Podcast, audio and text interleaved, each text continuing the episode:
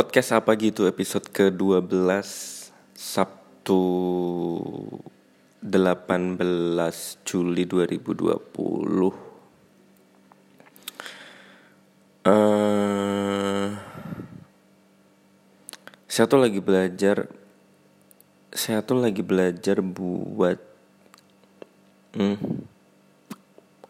Nggak Nggak reaktif terhadap apa pun yang dilakukan sama orang terutama yang yang uh, sebenarnya sebenarnya yang dilakukan itu nggak nggak ditujukan ke saya gitu. Nggak tuh sih. Uh, saya tuh saya tuh ngerasa saya tuh gak saya tuh ngerasa kadang-kadang terlalu terlalu sering bereaksi berlebihan terhadap apa pun gitu. Kayak kayak di sosmed misalnya lihat lihat temen storyin story India makan pizza misalnya. Uh, dia jadi pernah waktu itu ada temen yang malam-malam gitu fotoin pizza terus di storyin di Instagram gitu kan captionnya gimana nggak gendut tiap malam makannya beginian? gitu. Saya tuh langsung lihat lihat itu tuh langsung batin elah kamu sih pengen pamer pizzanya doang. Masalah gendut kan kamu udah masalah gendut emang kamu udah gendut dari dulu gitu. Kamu tuh emang udah gendut gitu nggak usah nyalahin pizza. Gitu. Saya tuh itu satu ya maksudnya ya banyak lah hal-hal lain yang yang apa namanya sebenarnya nggak perlu nggak perlu saya nggak perlu saya tanggepin gitu tapi uh, otak saya tuh meresponnya segitu cepetnya gitu. Kayak ya orang ngapain sih? Kayak jadi jadi apa namanya kebawa kesel gitu. Ya nggak kesel sih tapi ya gitulah. Maksudnya sebenarnya kan ya terserah dia gitu mau mau nulis caption apa mau ya emang ya emang semua orang gitu sih.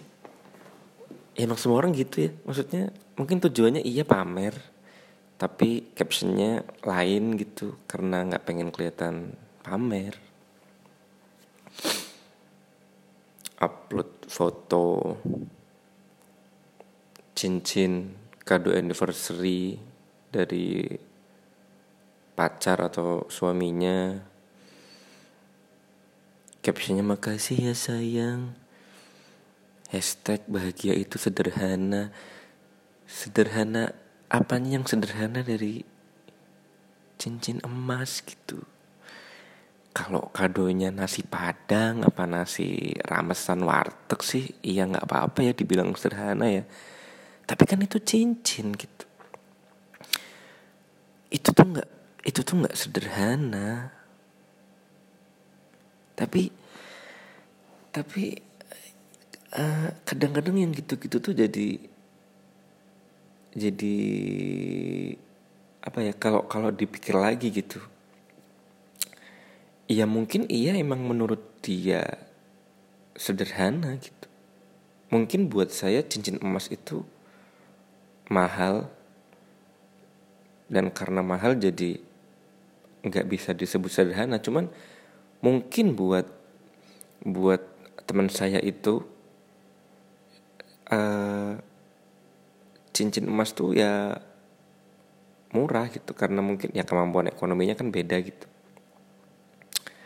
Sama kayak waktu Vanessa Angel ketangkap gara-gara uh, kasus prostitusi.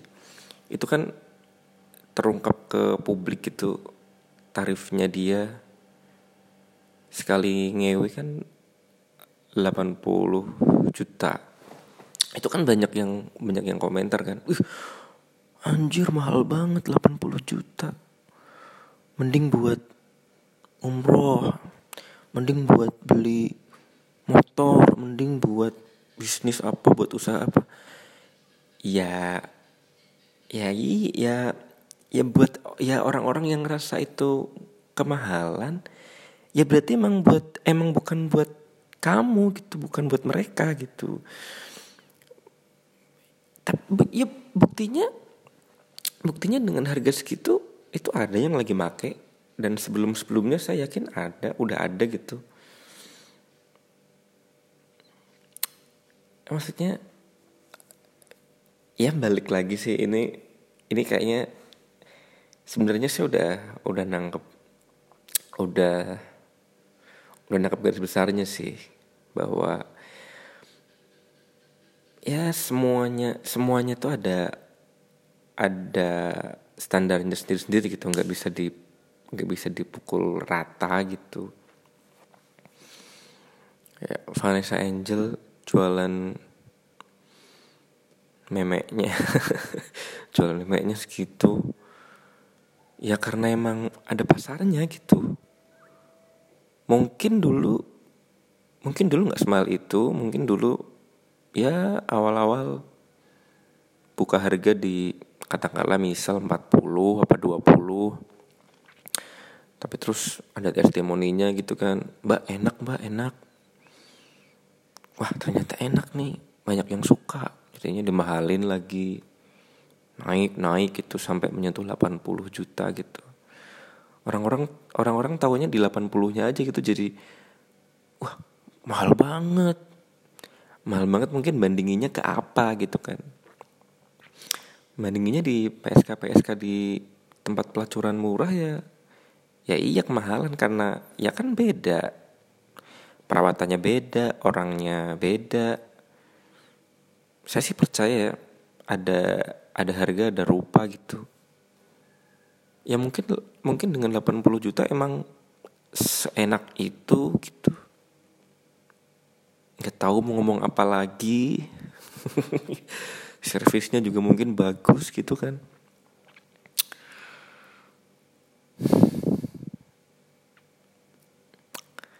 Ya gitulah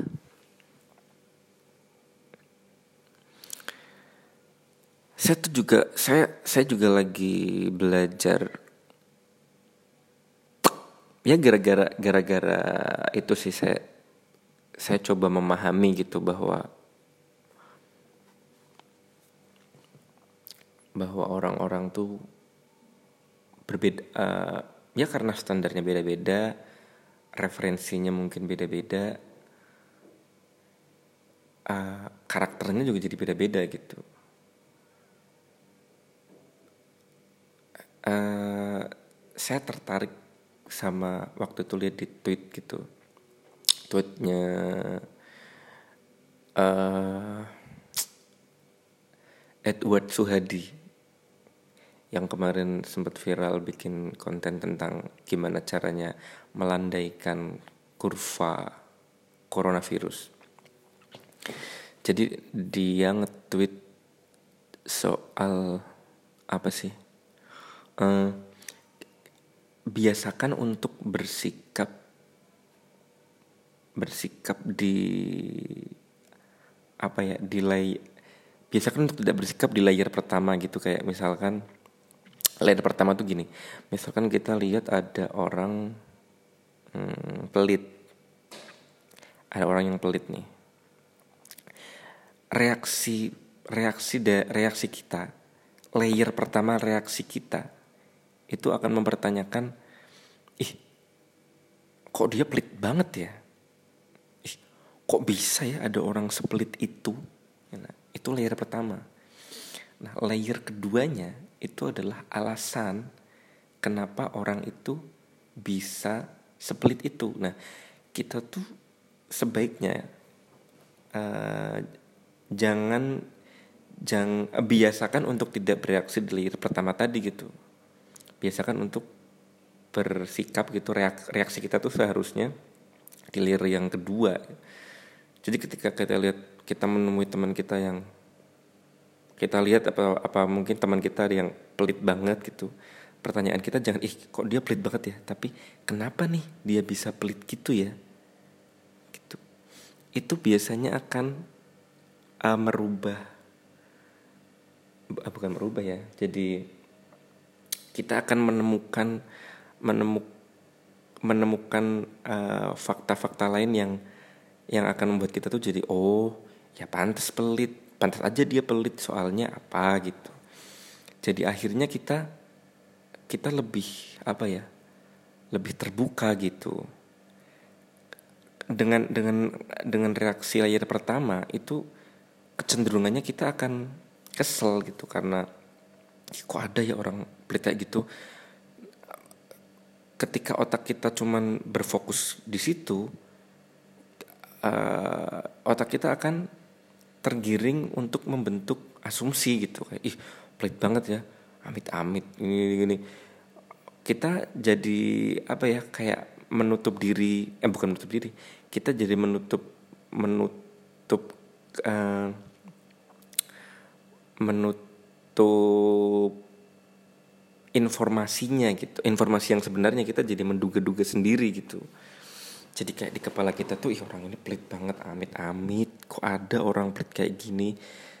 Kita jadi jadi kesel sendiri gitu. Padahal kalau kita mencari tahu gitu kenapa sih dia bisa pelit kita mungkin akan tahu bahwa oh ternyata dia uh, sandwich generation misalnya selain harus membiayai keluarganya dia harus membiayai orang tuanya. Jadi dia bener-bener sama uang tuh apa namanya hati-hati gitu. Nggak bisa sembarangan ngeluarin uang. Jadi kesannya pelit tapi sebenarnya ya karena emang uangnya dia udah ada peruntukannya sendiri-sendiri gitu. Satu dua misalnya dia lagi nabung buat uh, berangkat haji misalkan apa nabung buat biaya uh, sekolah anaknya bisa jadi kan. Informasi-informasi kayak gitu kan uh, jarang orang yang orang yang sampein gitu. Kayak yang kelihatan dari luar ya dia mungkin nggak nggak nyah gitu istilah Jawanya ya mungkin pas lagi kumpul-kumpul lagi pada uh, iuran beli apa gitu apa gantian beli makan dia nggak pernah keluar gitu. Ya mungkin emang ya nyebelin sih cuman uh, biasain aja gitu untuk coba digali lagi gitu. Kenapa dia bisa bersikap kayak gitu? Karena pasti pasti ada ada yang melatar belakanginya gitu nah gara-gara itu tuh saya jadi itu aja sih jadi lebih jadi lebih apa ya ya semua orang semua orang tuh pasti pasti punya pasti punya triggernya masing-masing gitu. Kenapa dia bisa kayak gini kenapa dia bisa kayak gitu gitu. Ya saya sih nggak nyoba nggak nyoba nyari tahu juga cuman jadi nggak sekarang tuh lebih enggak uh, lagi tahap belajar sebenarnya sih. Saya lagi belajar untuk tidak memper bukan mempermasalahkan gimana tidak ya itu tadi tidak bereaksi tidak bereaksi berlebihan gitu. Kayak ya orang mau oh si dia gini oh ya udah gitu. Si dia gitu oh ya ya udah gitu. Kayak baca di baca di sosmed baca di story WA gitu ada yang oh ini oh kok dia gitu sih? Oh ya paling apa? Pasti ada sesuatu yang pasti ada sesuatu di belakangnya walaupun saya mungkin nggak nyari tahu lebih lanjut cuman ya udahlah. Apa ya? Ya biarin aja gitu. Uh, selama selama selama itu nggak ngerugiin saya ya udahlah ya biarin gitu.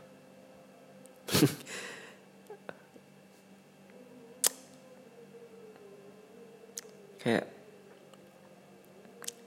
kadang kita lihat orang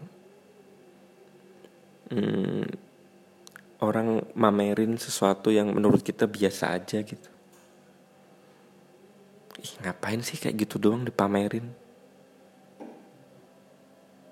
Kayak ya balik lagi gitu, standarnya mungkin beda gitu. Kayak orang makan di McD misalkan difotoin menurut dia makan di McD itu keren. Jadi dia pikir orang-orang harus tahu dia lagi makan di McD padahal mungkin nggak semuanya anggap makan di McD itu keren. Karena standarnya beda gitu. Tapi ya saya lagi lagi belajar itu sih buat ya udahlah ya maksudnya biarin lah orang mau orang mau pamerin apa gitu. Karena ya saya saya baru menyadari satu hal gitu. Uh, orang tuh selain butuh sandang pangan papan ternyata juga butuh pride gitu. orang tuh butuh kebanggaan atas dirinya sendiri gitu. Kayak tukang sablon gitu. Tukang sablon tuh buat orang-orang umum gitu. Ya mereka tukang aja gitu. Tukang sama kayak tukang bangunan tukang tambal ban gitu-gitu. Tapi tukang sablon itu banyak yang menyebut diri mereka seniman gitu seniman sablon. Nggak apa-apa gitu jadi apa mereka menemukan sesuatu untuk mm, apa ya meningkatkan nilai nilai diri mereka sendiri gitu. Walaupun itu menurut mereka sendiri gitu mereka merasa dirinya enggak saya tuh bukan tukang sablon saya seniman sablon. Ya itu enggak mungkin mungkin orang-orang lain enggak nganggap kayak gitu tapi enggak apa-apa gitu. Dirinya sendiri aja cukup gitu. Dengan dia ngerasa menjadi seniman sablon mungkin hari-harinya bakal lebih baik gitu. Dia bakal menjalani hari-harinya kotor-kotoran dengan tinta sablon dengan uh, obat-obatan kimia bukan obat cairan-cairan kimia buat kan kalau sablon kan ada proses apa namanya aftruk aftruk di screen gitu itu kan pakai cairan-cairan kimia gitu. Kotor-kotoran lah. Tapi mereka bakal menjalannya dengan lebih enjoy ketika mereka ngerasa ini tuh proses dari menjadi seniman nih. Yang mereka lakukan tuh sesuatu yang seni gitu. Bernilai seni keren keren nih kerjaanku nggak apa-apa.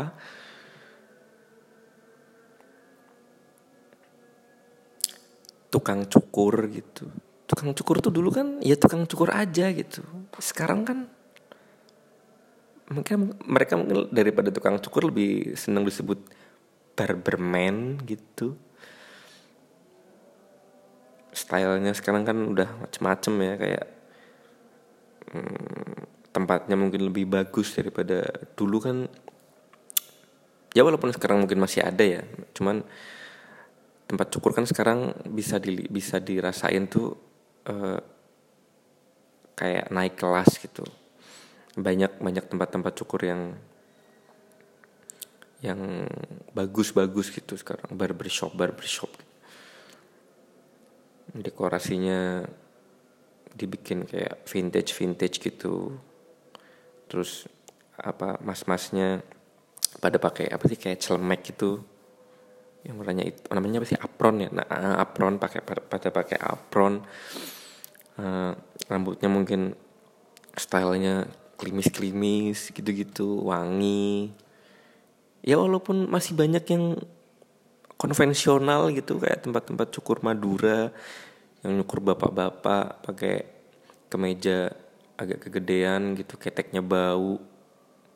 Itu masih ada dan mungkin peminatnya juga masih ada. Tapi kayak sekarang kan mulai bertumbuh tuh mulai bertumbuh tempat-tempat cukur yang yang lebih keren gitu. Harganya lebih mahal tapi servisnya lebih bagus. Jadi kayak mas-mas yang kerja di situ tuh ya pada dasarnya mereka sama dengan bapak-bapak di tempat cukur Madura itu. Mereka tukang cukur tapi tapi uh, pride-nya tuh beda gitu. Mas-mas yang di tempat cukur yang bagus tadi mungkin lebih seneng kalau disebut wah barberman nih. Apa itu capster ya istilahnya tukang tukang cukur tapi yang mewah yang apa istilahnya ya lebih lebih lebih kelas gitu lah gitu-gitu. Penting gitu menjaga pride itu penting gitu. Makanya makanya saya lagi belajar gitu untuk orang untuk untuk ya membiarkan orang-orang buat ya terutama yang uh, kontaknya dari WhatsApp saya gitu-gitu. Kayak saya kan sekarang saya kan sekarang uh, lihat-lihat story kan lebih seringnya di WhatsApp ya. Gitu-gitu lah di WhatsApp mungkin lihat pamer apa gitu. Ya udahlah. Ya mungkin emang emang itu kebanggaannya gitu mungkin dia pamer apa dia pamer abis ngapain gitu. Menurut menurut menurut kita mungkin biasa aja tapi menurut dia mungkin keren. Ya udah biarin aja. Orang tuh butuh pride itu biarin aja lah gitu. Mungkin dia emang sedang ngasih makan egonya. Nggak apa-apa. Nggak apa-apa. Gitu itu satu hal yang lagi pengen saya omongin. Hmm, apalagi ya? Hmm, gini. Itu itu tadi satu ya. In, uh, yang kedua yang kedua saya tuh lagi ngerasa hmm, anak anak saya yang pertama langit itu kan sekarang umurnya umurnya hampir dua hampir dua setengah tahun. Yang menurut saya itu tuh lagi lagi lucu-lucunya gitu ya nggak lagi lucu-lucunya sih. Gimana ya? Setiap hari dia tuh lucu sih dari maksudnya saya ngerasa kayak jadi jadi orang tua tuh kan ya selama hampir dua setengah tahun itu kan ngerasain ngerasain pertumbuhannya kan perkembangannya gitu. Dari yang mulai bayi mungkin apa cuman diem doang di kasur terus dari abis itu mulai apa celoteh gitu ngomong-ngomong nggak jelas kan bersuara gitulah. Terus mulai tengkurep mulai merangkak mulai rambatan gitu mulai belajar jalan. Setiap hal setiap setiap waktu tuh kan pasti ada apa ya kayak oh dia nambah nih dia bisa ini bisa ini bisa ini itu tuh jadi jadi hal yang apa ya menyenangkan gitu melihat melihat pertumbuhannya itu menyenangkan.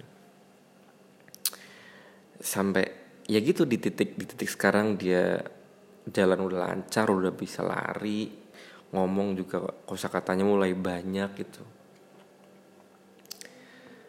Seneng gitu. Kayak ih udah mulai gede nih gitu. Tapi kayak kadang-kadang tuh saya mikir ih ini dia ini dia nanti gede gede ngomongnya semakin jelas uh, nanti lama-lama bisa beropini bisa ngomong kayak kayak orang-orang maksudnya ngomongnya lancar gitu-gitu. Lama-lama kan dia akan meninggalkan kelucuan ini gitu. Kayak sekarang kan mungkin ngomongnya uh, ngomongnya belum begitu jelas gitu kan. Kadang-kadang juga apa namanya masih masih berantakan tapi lucu gitu. Logikanya juga belum tertata dengan baik tapi jadi lucu gitu. Kayak yang terakhir mungkin kemarin gitu saya ajak beli sarapan kan naik motor ke warteg itu beli lauk. Dia pengen pisang sambil dia kan saya, terus saya, saya saya kasih kan saya ambilin pisangnya. Sama dia dipegang gitu. Dipegang terus pisangnya tuh. Pas pulang itu kan apa namanya saya mau taruh pisangnya kan di plastik gitu. Dia nggak mau gitu. Itu kan berarti ada apa ya maksudnya ya logikanya kan kalau gini saya sih yakin gak ada orang yang beli pisang terus pisangnya dipegang-pegang sepanjang jalan gitu. Kan dikeresakin dulu gitu.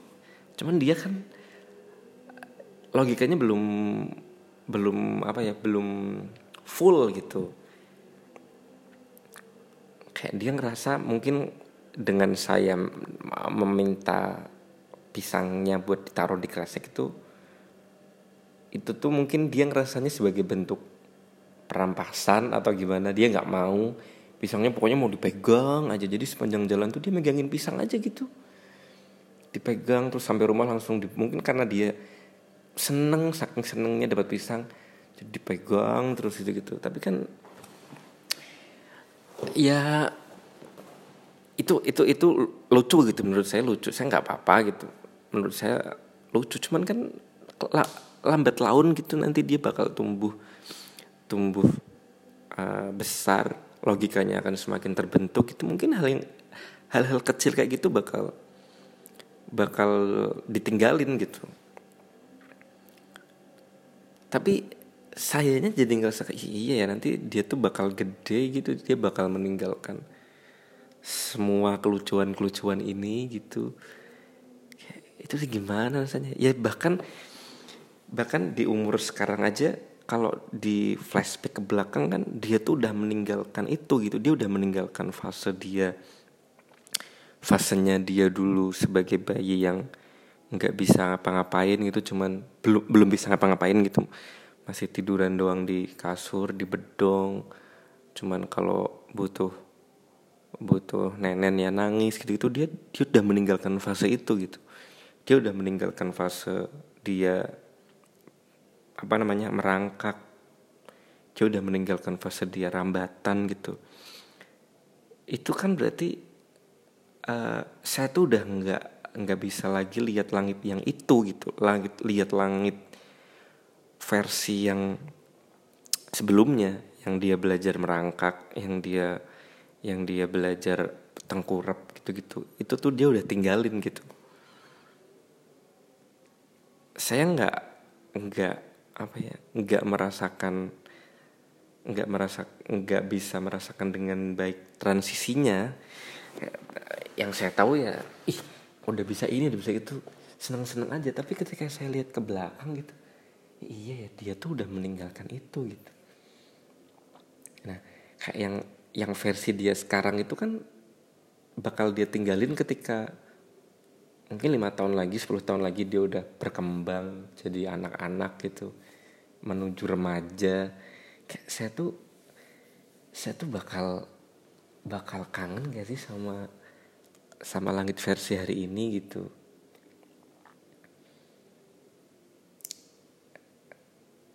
Uh, ya saya sih nggak tahu ya. Maksudnya kalaupun ada pilihan buat yaudah kamu anakmu tak bikin segini terus ya saya juga nggak mau gitu.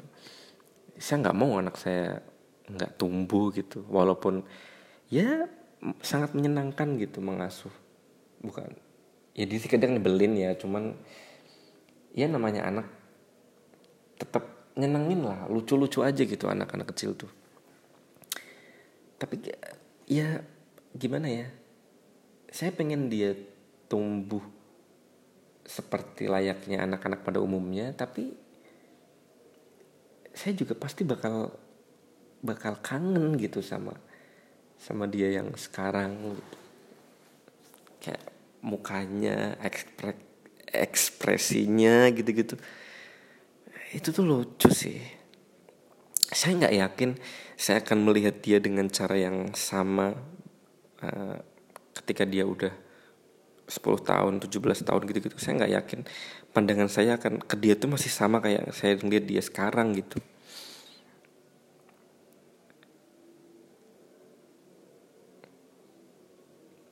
Ya gitu sih.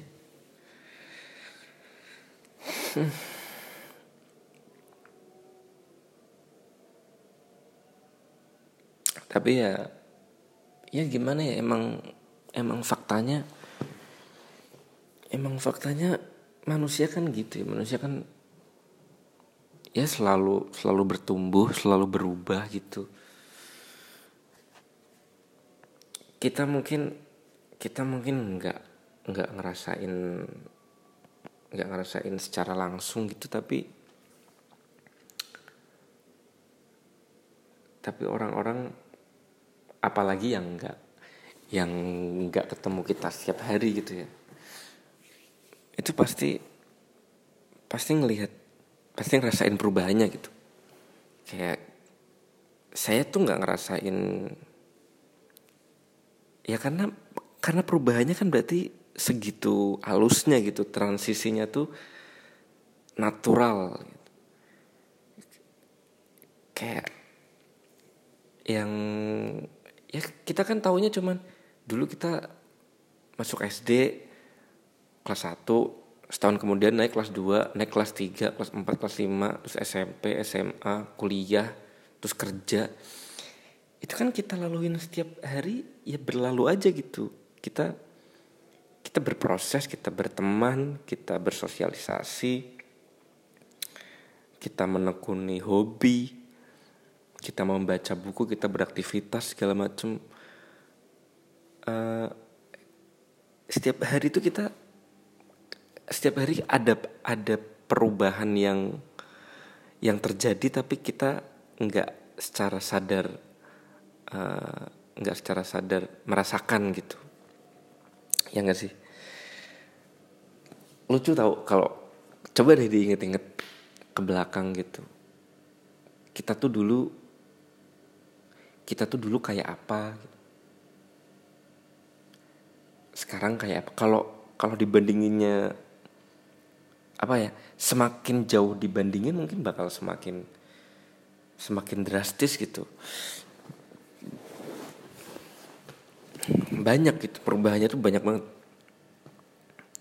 Uh, dari mulai fisik mungkin ih dulu dulu aku kurus banget ya. Sekarang sekarang jadi gendut misalkan. Itu kan kita nggak pernah ngalamin kita tuh nggak pernah ngerasa yang bangun pagi-pagi tahu-tahu ih gendut banget. Itu kan enggak. Pertumbuhannya kan pelan pelan pelan gitu-gitu. Sampai kita mungkin tahu-tahu sadarnya tahu-tahu mau bangun susah. Celana udah mulai nggak muat. Kaos mulai ketat. Ternyata kita udah segendut itu gitu. Kita nggak ngerasainnya gitu bahkan fisik fisik itu yang nggak yang nggak kelihatan aja kita kita segitu nggak ngerasainnya kan.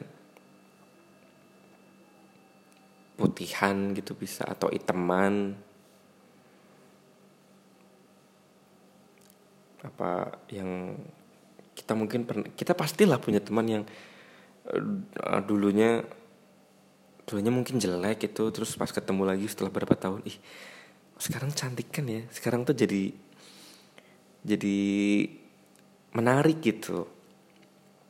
Dulu mungkin dia kurus hitam gitu belum dandan. Sekarang pas ketemu lagi oh udah beda ya gitu. Perubahan-perubahan yang perubahan-perubahan kecil yang di apa ya yang terakumulasi gitu. Kayak kita kan kita kan nggak menyadari itu gitu. Kita kita taunya pas ketemu lagi lihatnya udah outputnya gitu udah hasilnya kan. Ih, sekarang kayak gini ya gitu. berubah gitu. Sikap juga bisa berubah. Dulu dulu mungkin kita punya temen yang apa ya yang polos misalkan yang pendiam sekarang ketemu lagi mungkin udah berubah gitu udah mungkin jadi lebih cablak lebih suka ngomong terus jadi lebih lebih gaul gitu. Gimana sih gaul tuh? Gaul. Wih gaul banget sekarang maksudnya jadi lebih apa ya socially aktif gitu.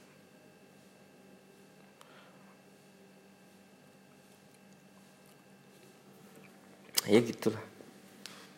Banyak gitu banyak banyak banyak banyak hal yang kita nggak sadari tapi kita udah kita udah mengalami gitu kita kita udah mengalami perubahannya gitu. Saya dulu saya tuh dulu waktu kecil uh, ada satu artis cilik yang saya suka banget gitu namanya Macy. Macy dulu dulu tuh dia penyanyi dia punya program tiap sore gitu di TV jujur uh, nama acaranya Cilukba kalau nggak salah. Saya dulu dulu ngefans gitu sama Macy. Tiap sore abis mandi gitu saya nonton di TV di SCTV apa ya kalau nggak salah. Uh, Cilukba gitu. Jadi kayak dia kan bakal membuka acara dengan Ciluk terus nanti yang nonton saya gitu gitu ba gitu merespon seperti itu gitu. Tiap sore saya nontonin Macy gitu saya saya dulu punya kasetnya gitu. Tapi saya lupa uh, gini saya ingat banget masa-masa itu gitu. masa-masa saya ngefans sama Macy tapi saya lupa transisinya gitu. Saya lupa saya lupa gimana prosesnya sampai akhirnya tuh saya sekarang biasa aja gitu. Uh, kan pasti ada ada transisinya kan kayak nggak tahu saya mulai nggak nonton lagi atau uh, acaranya pelan-pelan udah nggak ada atau gimana gitu. Uh, hari terakhir saya ngefans tuh kapan gitu saya nggak ingat gitu. transisinya tuh segitu halusnya gitu saya nggak tahu kapan.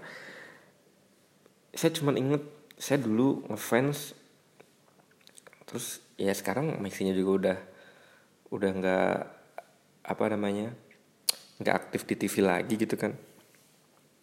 Dan dia juga sekarang udah tua sih pasti Messi orang dulu saya saya kecil dia tuh ya kayaknya selisih lima tahunan gitu saya merasa saya sekarang merasa udah tua. Ya masih masih juga lebih tua gitu. Dan mungkin sekarang udah nggak fans itu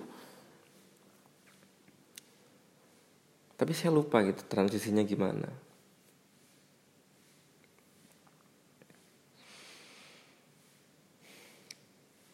Saya dulu apa lagi ya? Uh, saya dulu nggak doyan udang saya dulu nggak doyan udang. Nggak tahu sih makan udang tuh aneh gitu rasanya. Eh tapi kalau kalau kalau ini saya inget sih saya inget uh, titik baliknya gitu. Titik baliknya ketika akhirnya saya mulai ngerasa udang tuh ternyata nggak nggak se nggak se nggak enak itu gitu. Ternyata bisa bisa dinikmati gitu. Itu kejadiannya waktu uh, saya kayaknya ikut sama sama siapa gitu ya. Nyari udang di kali gitu. Nyari udang di kali dapat beberapa gitu kan. Terus saya pulang saya kasihin ke ibu saya gitu buat dimasak. Nah setelah dimasak itu saya nyobain akhirnya. Saya saya nyobain udangnya tuh rasanya tuh ternyata ternyata maksudnya pas saya makan saat itu itu saya bisa ngerasain enaknya gitu. Sebelumnya saya nggak bisa kayak udah nutup diri gitu dari udang tuh. Kayak kalau ada kalau ibu saya masak udang gitu saya lebih milih buat gak makan gitu. Karena saya tahu rasanya aneh gitu. tapi ketika saya saya waktu itu dapat udang hasil saya mencari sendiri dimasakin itu rasanya beda gitu. Semenjak saat itu saya makan udang tuh udah mulai enak gitu. Jadi sampai sekarang saya yang nggak nggak nggak jadi suka juga. Cuman lebih bisa menikmati udang daripada sebelumnya gitu. Itu.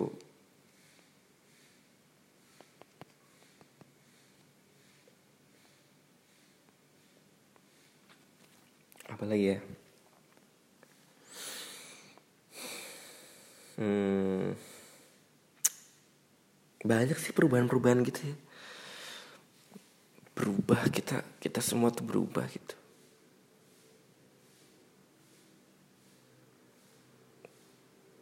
Kebiasaan-kebiasaan.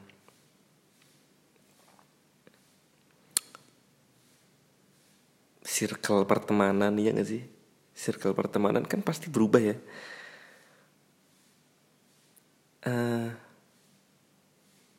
nggak uh, tahu sih. Yang yang eh, orang-orang yang sempat melabeli pertemanannya dengan PFF gitu-gitu itu tuh beneran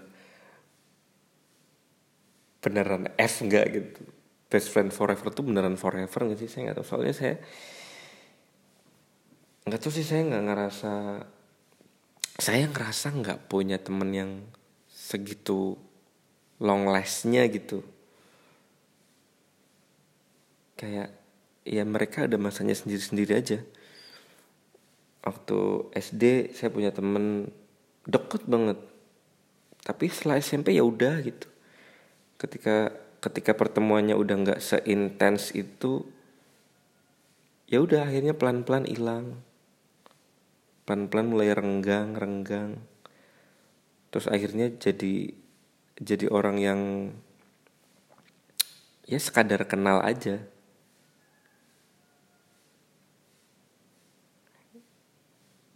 Temen temen temen deket saya waktu SD tuh ada tuh dulu namanya namanya Humaydi. Namanya Humaydi panggilannya Komet.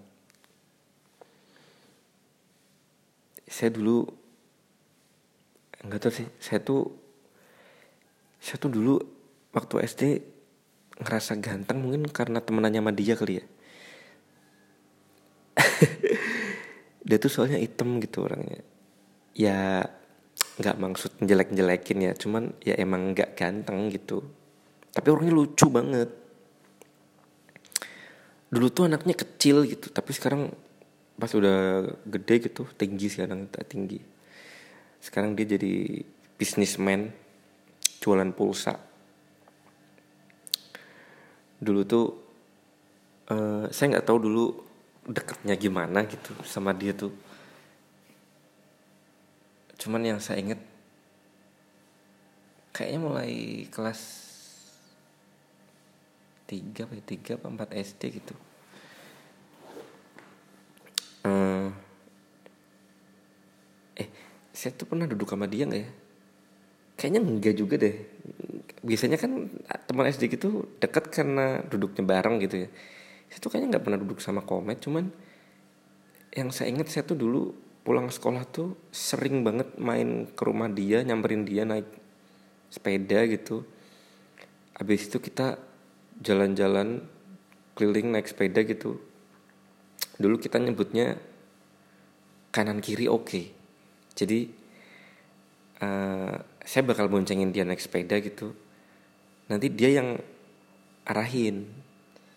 Jadi saya tinggal genjot aja sambil ya eh kadang-kadang malah gini. Kadang malah dia bonceng uh, gini biar enak dibayangin ya. Saya tuh boncengan sama dia pakai sepeda Jepang gitu loh bukan sepeda anak-anak sepeda BMX gitu bukan. Sepeda Jepang kan belakangnya ada itunya kan ada kursi buat ada tempat duduk penumpangnya gitu kan jadi kita boncengin pakai itu. Saya boncengin dia saya cuman pegang stangnya terus yang genjot tuh dia gitu. Dia duduk di belakang dia yang genjot. Nah nanti uh, kita menyebut ini kanan kiri. Oke karena nanti saya sebagai orang yang pegang stang itu nurut sama dia gitu. Jadi dia yang di belakang pas pas ada tikungan gitu apa ada perempatan pertigaan dia yang ngasih komando gitu belok kiri. Belok belok kanan belok. Gitu-gitu aja. Tapi dulu tuh dulu tuh menyenangkan gitu kayak. Kalau diinget-inget sih geli ya maksudnya dua cowok gitu boncengan. Boncengan bareng gitu hampir tiap hari. Kadang juga di kadang juga dikenjot bareng gitu. Jadi kayak kaki dia di pedal gitu kaki saya nginjek kakinya dia gitu. Jadi ngenjotnya tuh bareng. Genjot tuh bareng gitu. Nggak tahu sih dia masih inget apa enggak cuman saya inget sih. Segitu membekasnya ya. Kanan kiri oke gitu. Boncengan keliling-keliling kampung aja tapi seneng gitu. Habis itu biasanya uh, kita habis habis mainan sepeda gitu kita main bola bareng-bareng gitu kan di kayak apa sih dulu nyebutnya led, ledok gitu? Eh ledok iya nggak tahu ledok tuh apa ya kalau di bahasa Indonesia ini ya? Kayak tanah tanah lap tanah lapang tapi bukan lapangan gitu. Tanah lapang doang di bawah. Eh ledok tuh bukan di ledok tuh di pinggir kali itu nggak tahu sih. Tanah lapang di pinggir kali main bola di situ habis itu nanti udah mulai sore mandi di kali gitu. Gitu. Tapi dulu seru banget sih. Terus sampai akhirnya saya hmm, lulus lulus SD itu kan saya nggak di nggak di kampung lagi. Saya SMP-nya keluar gitu keluar keluar kota gitulah agak jauh agak jauh gitu dari tempat tinggal saya. Sekitar setengah jaman kalau dulu saya naik sepeda naik sepeda itu setengah jam. SMP SMP itu juga ya akhirnya punya punya circle pertemanan lagi punya punya ya teman teman yang dekat gitulah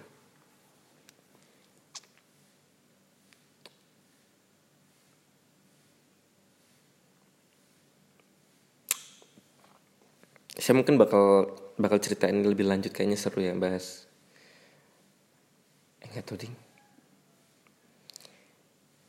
Ya ya gitulah.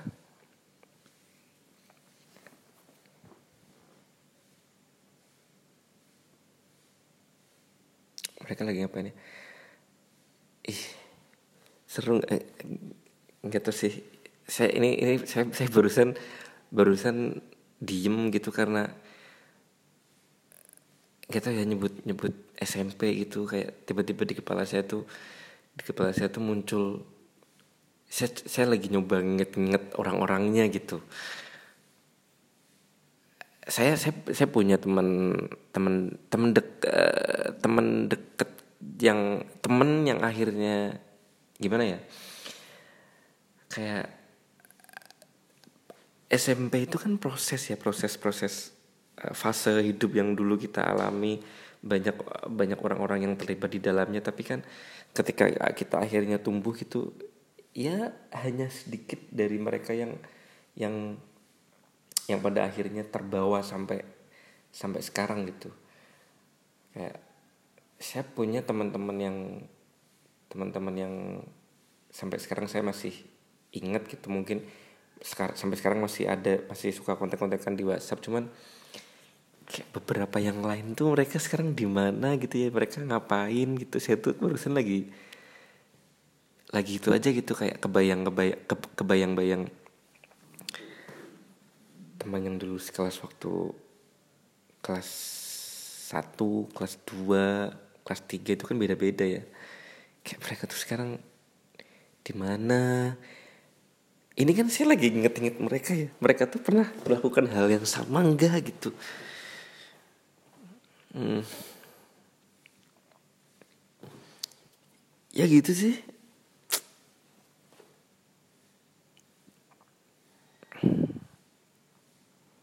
Semua orang tuh ada masanya. Dan semua masa ada orangnya. Yeah. gitu tuh. Itu tuh kata-katanya. Saya saya dapat kata-kata itu dari dari senior saya di kampus yang pernah satu kerjaan gitu-gitu. Katanya eh, nggak uh, ada nggak ada satupun manusia di dunia ini yang nggak bisa digantikan gitu. Kamu tuh jangan ngerasa sepenting itu gitu. Dulu sih konteksnya konteksnya di pekerjaan sih itu atau waktu itu lagi ngomongin apa ya? Lagi ngomongin nego naik gaji kayaknya. Jadi kayak orang kerja kan orang orang kerja tuh kan apa ya sebenarnya kan ya walaupun sama-sama membutuhkan tapi kan ada beda kepentingan gitu. Kayak kita sebagai pekerja uh, pengennya kan gimana caranya kita dihargai semaksimal mungkin tapi uh, perusahaan sebagai orang yang hire kita kan pengennya ya gimana caranya uh, mendapatkan orang dengan skill yang semaksimal mungkin tapi mau dibayar seminimal mungkin gitu kan efisiensi gitu. Waktu itu kayaknya lagi bahas itu deh. Terus itu uh, senior saya itu namanya Mas Ipung. Mas Ipung tuh ngomong gitu kayak uh, kayaknya kalau di perusahaan ini gitu perusahaan saya waktu itu agak susah gitu kalau mau nego gaji tuh gitu. Ya karena satu mungkin uh, skill skill kami waktu itu belum ya belum setinggi itu gitu belum emang belum belum wah gitu sebagai sebagai sebagai tenaga kerja tuh belum belum yang wah gitu. Dan perusahaannya juga kayaknya bukan tipe yang bukan tipe yang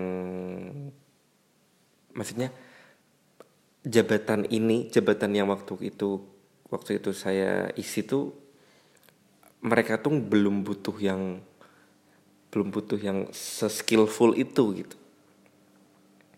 Jadi kalau istilahnya minta naik gaji terus pura-puranya udah ditawarin di kayak istilahnya apa ya bilang bilang ke HRD gitu uh, mancing biar gimana caranya dinaikin gajinya. Kan biasanya kan salah satu triknya kan gitu ya seolah-olah udah diterima di perusahaan lain ditawarin gaji sekian gitu.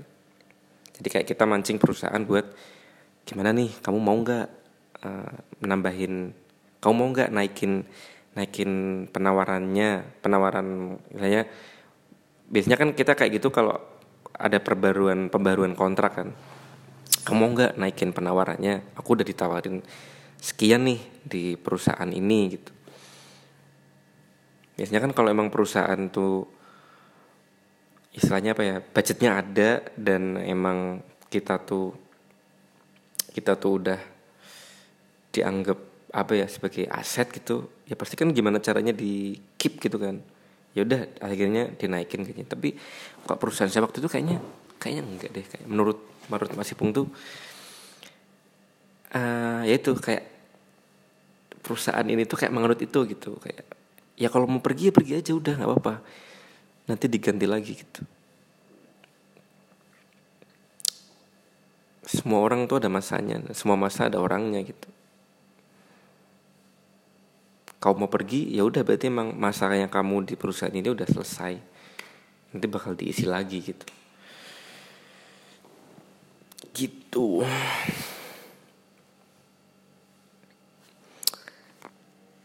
Ya gitu sih. Cukup kali ya? Cukup lah. Nggak ada nggak ada patokannya juga sih podcast ini tuh bakal maksudnya setiap setiap episodenya harus berapa menit gitu. Saya dulu waktu celo dulu kayak yang udah lama gitu. Waktu waktu awal waktu yang episode pertama episode pertama podcast ini tuh kan saya ngobrol sama istri gitu kan. Nggak berniat bikin sejam sih. Waktu itu ya ngobrol aja ngalir ngalir. Tapi ternyata ih udah hampir sejam ya. Waktu itu saya sempat ya ih ternyata ternyata bisa ya ngobrol ngobrol di podcastin gini jadi sejam gitu. Jadi apa namanya episode keduanya tuh sebisa mungkin ah bikin yang sejam juga jadi kayak udah ah berarti standarnya segini nih standarnya sejam. Tapi tapi pada akhirnya saya saya kayak apa ya saya di saya kayak dilawan sama sifat saya sendiri gitu. Ketika ketika saya apa kayak mewajibkan mewajibkan diri untuk kalau mau bikin podcast sejam gitu jadi kayak dilawan lagi di di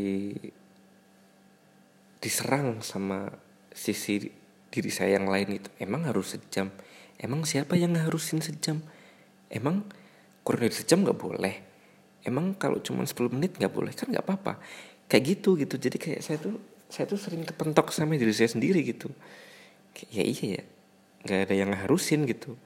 Bahkan cuma bikin semenit pun ini tetap bisa dipublish gitu. Nggak apa-apa sebenarnya. Dan kadang-kadang kalau kalau kalau distandarin harus sejam terus gitu jatuhnya jadi nyari-nyari ya gak sih saya ngobrol gitu belum sejam kayak ngobrol apa lagi ya. Padahal udah habis gitu. Padahal uh, salah satu dari sekian dari sekian alasan saya mau bikin pengen bikin podcast ini kan ya gitu karena ya pengen pengen cerita aja gitu pengen numpahin yang ada di kepala tuh apa gitu keresahan saya hari ini apa gitu. Saya pengen pengen tumpahin dalam bentuk podcast gitu maksudnya kalau emang yang ditumpahin udah nggak ada ya udah gitu. Ya udah aja stop gitu. Nggak usah nggak usah harus sejam juga ngapain gitu. Gitu sih. Oke makasih yang udah dengerin episode kali ini. Saya cukup cukup seneng sih untuk ukuran orang yang bikin podcast. Karena ikut-ikutan gitu sekarang episodenya udah dua digit ini episode ke-12 ya. Soalnya kan banyak ya orang-orang yang ya ikut-ikutan doang. Cuman bikin podcast sekali dua kali wis itu udah gitu. Sebagai orang yang ikut-ikutan juga gitu ternyata bisa sampai 12 episode gitu. Ya lumayan lah ya. Mudah-mudahan bisa rutin sih. Ya gitu aja. Kasih yang udah dengerin sampai ketemu di episode selanjutnya